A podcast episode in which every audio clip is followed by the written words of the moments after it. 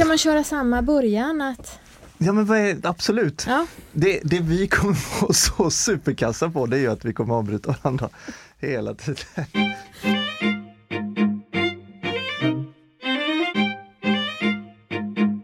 Välkommen till eftersnack med Oskar Lilja och Ulli Rosén. nu, nu går jag tillbaka till inspelningen av eh, i söndags. Och det var ju första gången vi gjorde det själva.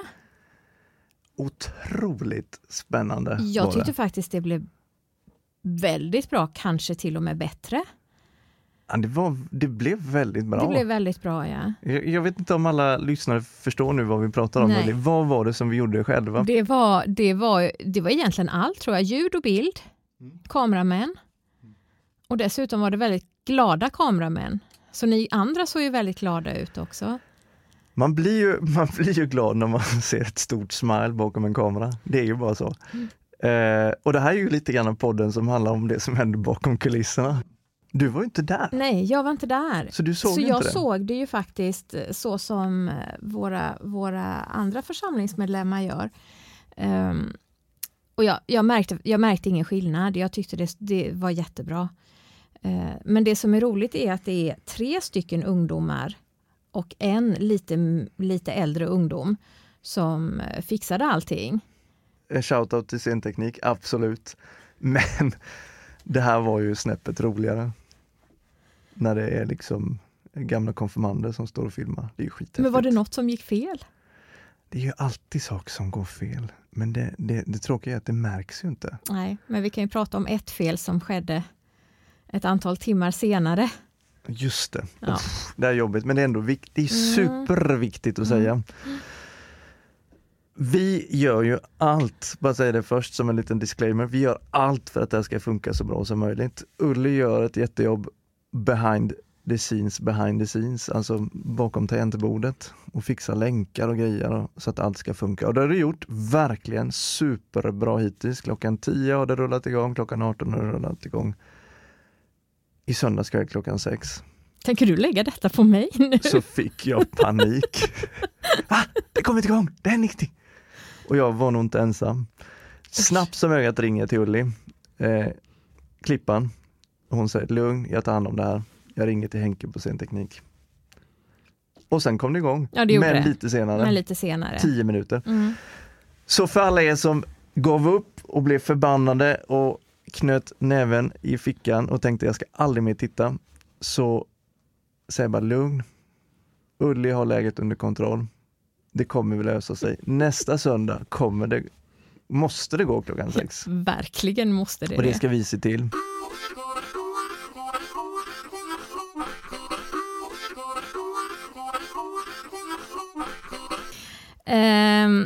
Alltså jag tyckte ju att evangeliet var jätte, jättekrångligt att förstå. Förhärliga. Det förhärligas, det var förhärligat allt möjligt. Mm. Fram och tillbaka, in och Vet ut och... inte ens vad det betyder. Eh, det, det, det är lite häftigt med Johannes evangeliet att han leker med orden fram och tillbaka, bygger paradoxer som gör att vi helt plötsligt står som frågetecken och måste fundera både ett och två och tre gånger. Men förhärliga, jag, jag tycker om det engelska ordet. Det är glory. Glory and fame, brukar man inte säga så? Fame and glory. Fame ja, and glory. kanske. Nej, glory and fame kan det vara. Eh, eh, tja, det säger man nog ibland. Eh, och jag ser nästan framför mig, liksom, du vet när, när man går på den röda mattan, spotlightsen är riktade, folk jublar, här kommer jag. Och då är ju den stora paradoxen där att det Johannes säger är att det här sker när Jesus är som mest utlämnad, mest nere i skiten. Det är då han säger att Gud blir förhärligad. Det är då det är glory och fame. Så det är ju en, det är en stor Jaha. paradox som Johannes leker med.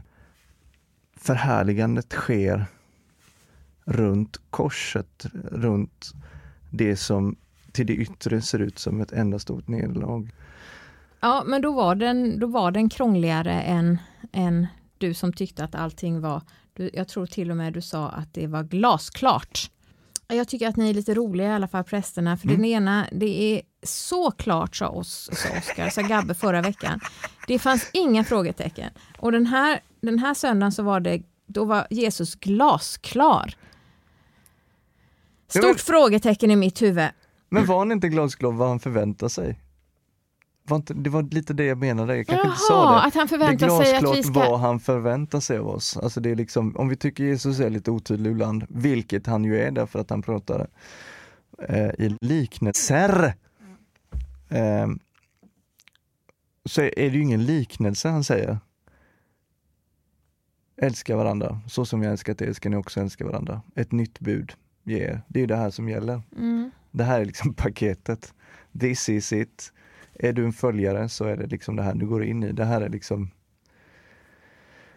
det här är vad jag förväntar mig av mina följare. Mm. Sen är det ju en, måste ju vara en, en, en gå en, ja, en tåredal genom hela kyrkohistorien när han ser vad vi ställer till med mm. mot varandra, mm. såklart. Eh, och det visste han ju. Det, det, det var också det lite grann som jag var inne på, att de här människorna som han ger det här uppdraget till, det är ju människor som han vet är liksom, precis som du och jag, det är människor som ibland sviker, det är människor som ibland drar när det börjar bli jobbigt. Eh, ja, som ställer till det helt enkelt. Mm. Eh, ändå så ger han ju det här uppdraget, det här budet. Alltså vägvisare helt enkelt. Mm. Därför att som Moder Teresa säger, det, vi har liksom den här törsten, den här hungern efter att bli älskade. Allt annat kommer göra oss besvikna. Jag tror det är så enkelt. Det andra liksom är bara guld som lite sand.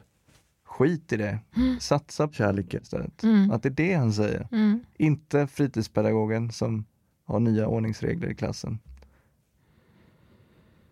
Det är det jag menar, det är det som är glasklart. Sen är det ju otroligt komplext, svårt och försöka leva så. Och det är liksom därför vi behöver be om hjälp. Ständigt och jämt. Mm. Ja. Mm. ja.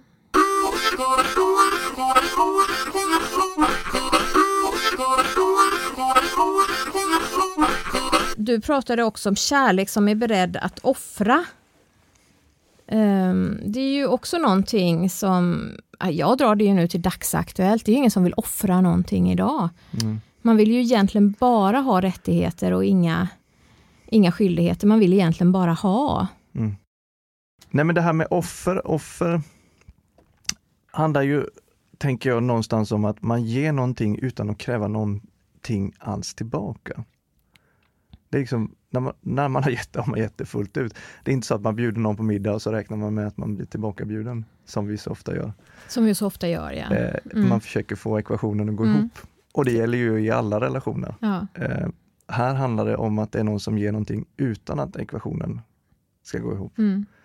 Och det är ju inte många mänskliga relationer där, där den kärleken är liksom är på det sättet. Um, Nej. Jag brukar tänka på grekiska, vilket ju är lite så ett sidointresse som jag har. Jag har aldrig varit i Grekland, okay. bara säger det nu. Jag, det är min högsta dröm att få åka dit, för jag vill lära mig att prata grekiska. Men, men eh, på grekiska finns det fyra ord för kärlek och det är ju så att Nya Testamentet är skrivet på grekiska. Så det är lite det som är kopplingen. Aha. Vi har ju bara ett ord för kärlek. Love. Love, älska, kärlek. Det är liksom kärlek, substantiv, mm. gissar jag. Äh. Och älska är väl ett verb? Eller? Jajamän! I alla fall, vi är rätt begränsade med vårt, liksom, med vårt språk. Eh, det är likadant på engelska, det är bara love, love, love, love, love, love. På grekiska är det inte så. Där har man fyra ord. Man har stergo, som är liksom ordet för kärlek mellan en förälder och ett barn. Eh, den typen av kärlek.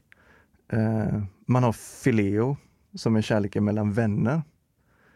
Eh, också ju en typ av kärlek. Eh, man har era, eros, Eh, alltså den passionerade kärleken mellan eh, två människor som Eh, vill mer.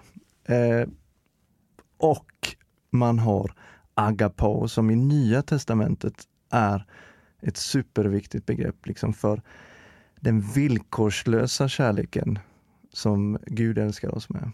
Eh, och det gör ju liksom att det blir mer nyanserat när man använder lite olika ord för olika saker. De här gränserna är inte knivskarpa ska jag bara säga direkt. Det är mer komplicerat än så, okay. såklart. Men i huvudet så kan det göra det lite enklare. Liksom, ja, men det finns ju flera typer av kärlek. Ja, man kan ju älska ett djur och man ja, kan ju känna att verkligen. ett djur kan ge en, en kärlek också. Eh, men, men det är så otroligt svårt att fånga i ord. Jag har nog aldrig tänkt på det, att det, kanske, ja, att det är svårt att fånga. Jag har mest tänkt att man, alltså jag har mest tänkt att jag är otillräcklig. Alltså när det gäller kärlek. För jag, alltså, hmm. um, just den här kärleken som är beredd att offra allt. Jag vet knappt ens, ja det är ju till barnet i så fall. Men jag vet inte ens om det är det det betyder. För nu kopplar jag tillbaka till förra veckan, den gode heden som ju älskade sin flock så mycket att han var villig att dö för den. Um, det är lite, lite svårt att ta på. Mm. Det är därför jag tänker, och det var lite inne på i predikan också, det, det viktigaste är inte att vi springer iväg först och är, är liksom duktiga inom citationstecken. Eh, först måste man ju bli älskad. Eh, och det, det är liksom bara ett grundläggande mänskligt behov. Eh, och kärlek är ju... Alltså det, det är det här som gör det så svårt att prata om det. Därför att det är inte bara liksom att man ska gå runt och tycka om människor, för då blir det också så otroligt platt. Mm. Vi tycker inte om varandra hela tiden. Ibland är vi irriterade på varandra. Mm. Och det är inte så konstigt när vi tycker lite olika, när det skaver och annat. Det är inte konstigt, alltså annars skulle det ju vara fullständigt odynamiskt. I alla fall i den här världen som, som ser ut som den gör, måste vi ju bli irriterade på varandra om vi ska få något att hända. Jag brukar tänka på det att Petrus och Paulus som är liksom grabbarna, tänker man, som hänger med varandra mm. i den första kyrkan, som är liksom urbilden för, för de första apostlarna de hade ju världens beef. Alltså världens beef, så det till och med lyser igenom i Nya Testamentet. De gillade ju inte varandra. Är det sant? Och ändå var det ju de två liksom som Petrus som är den första ledaren eh, och Paulus som liksom spränger gränserna och eh, bygger en underjordisk kristen rörelse bland icke-judar, alltså bland hedningar i romarriket. Ja, det är sant. Så jag, jag, Nya testamentets berättelse, budskap, Jesus, allt det, det är mycket, det, det är mycket, mycket spetsigare, mycket spretigare än vad man först tänker sig. Men man är, det är som att det har gått in i en grå dimma, tror jag för oss ibland, och vi tänker att det är bara mossigt och gammalt och det händer ingenting. Det var ju, hände skitmycket. Eh, och jag ska kanske inte gå in på allting vad den här beefen handlade om.